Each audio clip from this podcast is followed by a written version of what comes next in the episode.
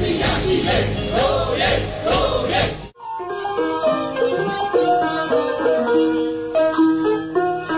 ဝိလာနာနေ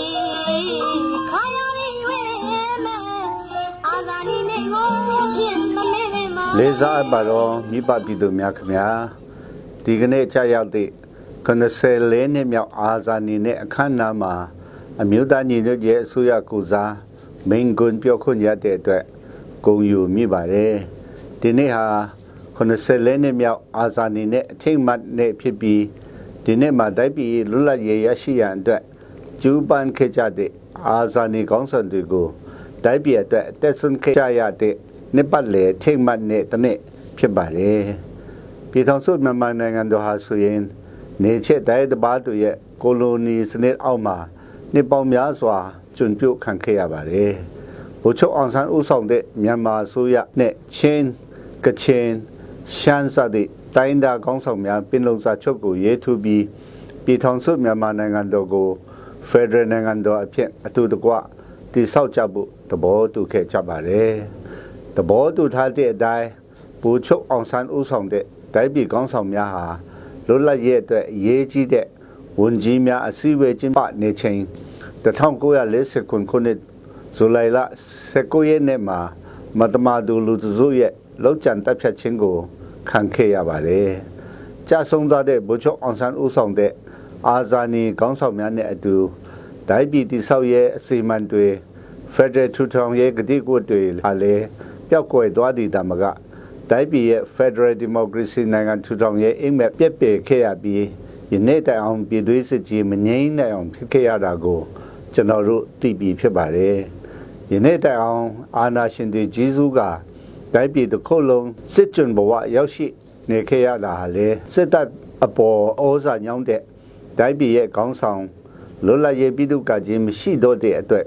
ဖြစ်ပေါ်လာတဲ့နောက်ဆက်တွဲအကျိုးဆက်ပင် ဖြစ်ပါတယ်။သူ့ပေမဲ့အာဇာနည်နဲ့ဟာဝန်းနေချေကွဲစရာနဲ့ရတခုတည်းတော့မဟုတ်ပါဘူးအာဇာနည်ဆိုတာမိမိကိုယ်ကျိုးကိုစွန့်သူသူတစ်ပါးအကျိုးအများအကျိုး တိုင်းပြည်အကျိုးအတွက်အသက်ကိုပင်ပဒါနမထားဘဲအများအကျိုးဆောင်တာကို အာဇာနည်လို့ခေါ်ပါတယ်ဒါကြောင့်အာဇာနည်နဲ့ဟာဆိုရင်ဂုံယူဆရာနဲ့တနေ့လည်းဖြစ်ပါတယ်ဗိုလ်ချုပ်အောင်ဆန်းဦးဆောင်တဲ့အာဇာနည်ကောင်းဆောင်ကြီးတွေဟာဆိုရင်မိမိအကျိုးမိမိတို့မိသားစုအကျိုးထက်တိုင်းပြည်အကျိုးကိုထမ်းဆောင်ရင်းမိမိတို့ရဲ့အသက်ကိုလည်းစွန့်လွတ်ခဲ့ကြပါတယ်။ ဒါကြောင့်သူတို့ကြဆုံးခဲ့တဲ့ဇူလိုင်လ19ရက်နေ့ရောက်တိုင်းအာဇာနည်ကောင်းဆောင်တွေကိုတတိယအောင်မဲ့ဂုံပြုတ်တဲ့အနေနဲ့အာဇာနည်နဲ့ကိုကျင်းပရတာဖြစ်ပါတယ်။ယခုကျွန်တော်တို့တိုင်းပြည်ဟာတိုင်းတပါးနေချက်အောက်မှာမရှိတော့ပေမဲ့ပြည်တွေကစစ်အာဏာရှင်အောက်မှာစစ်ကြွဘဝကိုရောက်ရှိနေတာအလုံးအသိပဲဖြစ်ပါတယ်။လက်ရှိအာဏာရှင်ဟာတိုင်းတပါးနေချက်တွေထက်များစွာရက်ဆက်ကြမ်းကြုတ်ပြီး ပြည်သူလူထုကိုနေ့တိုင်းညှဉ်းပန်းနှိပ်စက်တပ်ဖြတ်နေတာအလုံးအသိဖြစ်ပါတယ်။ဒါကြောင့်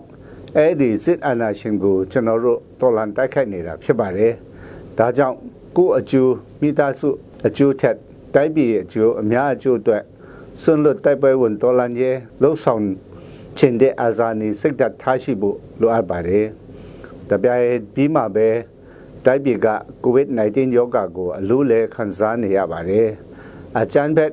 စစ်ကောင်စီရဲ့ညံပြင်းတဲ့စီမံခန့်ခွဲမှုတို့ကြောင့်လူပေါင်းများစွာတက်ပက်ခဲ့ရပြီးဖြစ်တယ်လို့လူပေါင်းများစွာယောဂဝေဒနာခံစားနေရပါတယ်။ဒီဘေးရင်မှာဆိုရင်အောက်ဆီဂျင်မရတဲ့အတွက်လူပေါင်း19ဦးတည့်ဒီမှာတည်ဆုံးခဲ့ရတယ်လို့ချားနေရနန်းပြတွေမှာလည်းတာဝန်ရှိတဲ့စစ်ကောင်စီမှလူနာများကိုဂရုစိုက်ကြည့်ရှု ဆောင်မခြင်းမရှိတဲ့အတွက်လူအသက်ပေါင်းများစွာတည်ဆုံခဲ့ရပါတယ်။ချင်းတောင်ဘက်မှာ COVID-19 ထိန်းချုပ်နိုင်ခြင်းမရှိတဲ့အတွက်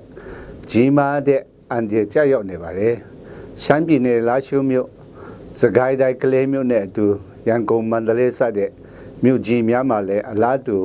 COVID-19 အန်ဒီကိုအလို့လဲခံစားနေရတာတွေ့ရပါတယ်။ဒီလိုအချိန်မျိုးမှာမိမိကိုယ်ကျူးထက်အများအကျိုးအတွက် စွန့်လွတ်စွန့်စားမှုတတ်နိုင်တဲ့ဖက်ကနဲအချင်းချင်းကိုညီရိုက်ပင်းကြဖို့လိုအပ်ပါတယ်အဲ့ဒါလိုစိတ်ဓာတ်နဲ့အဲ့ဒါလိုအပြုတ်မှုမျိုးဟာလေအာဇာနည်စိတ်ဓာတ်ဖြစ်ပါတယ်ဒဒါကြောင့်84နှစ်မြောက်အာဇာနည်နေ့မှာတိုက်ပြည်အတွက်အသက်ဆွန့်ခဲ့ကြတဲ့ဗိုလ်ချုပ်အောင်ဆန်းတဲ့တကွအာဇာနည်ခေါင်းဆောင်များကိုဂုဏ်ပြုရင်းကျွန်တော်တို့တိုက်ပြည်စစ်ကြွဘဝကလွတ်မြောက်ဖို့ကျွန်တော်တို့တိုက်ပြည် ဒီမိုကရေစီရရှိဖို့ကျွန်တော်တို့တိုက်ပြည်မှာ Federal Democracy နိုင်ငံထူထောင်နိုင်ဖို့ကျွန်တော်တို့တိုက်ပြည်ယောဂဆိုကတ်ဆိုကနေလွတ်မြောက်ဖို့အတွက်ကိုဂျိုးထက်အများအကျိုးကိုကြည့်တဲ့အာဇာနည်စိတ်ဓာတ်ကိုမွေးမြူကြပါလို့တိုက်တွန်းရင်နေကုံချွတ်အပ်ပါတယ်အရေးတော်ပုံအောင်ရမည်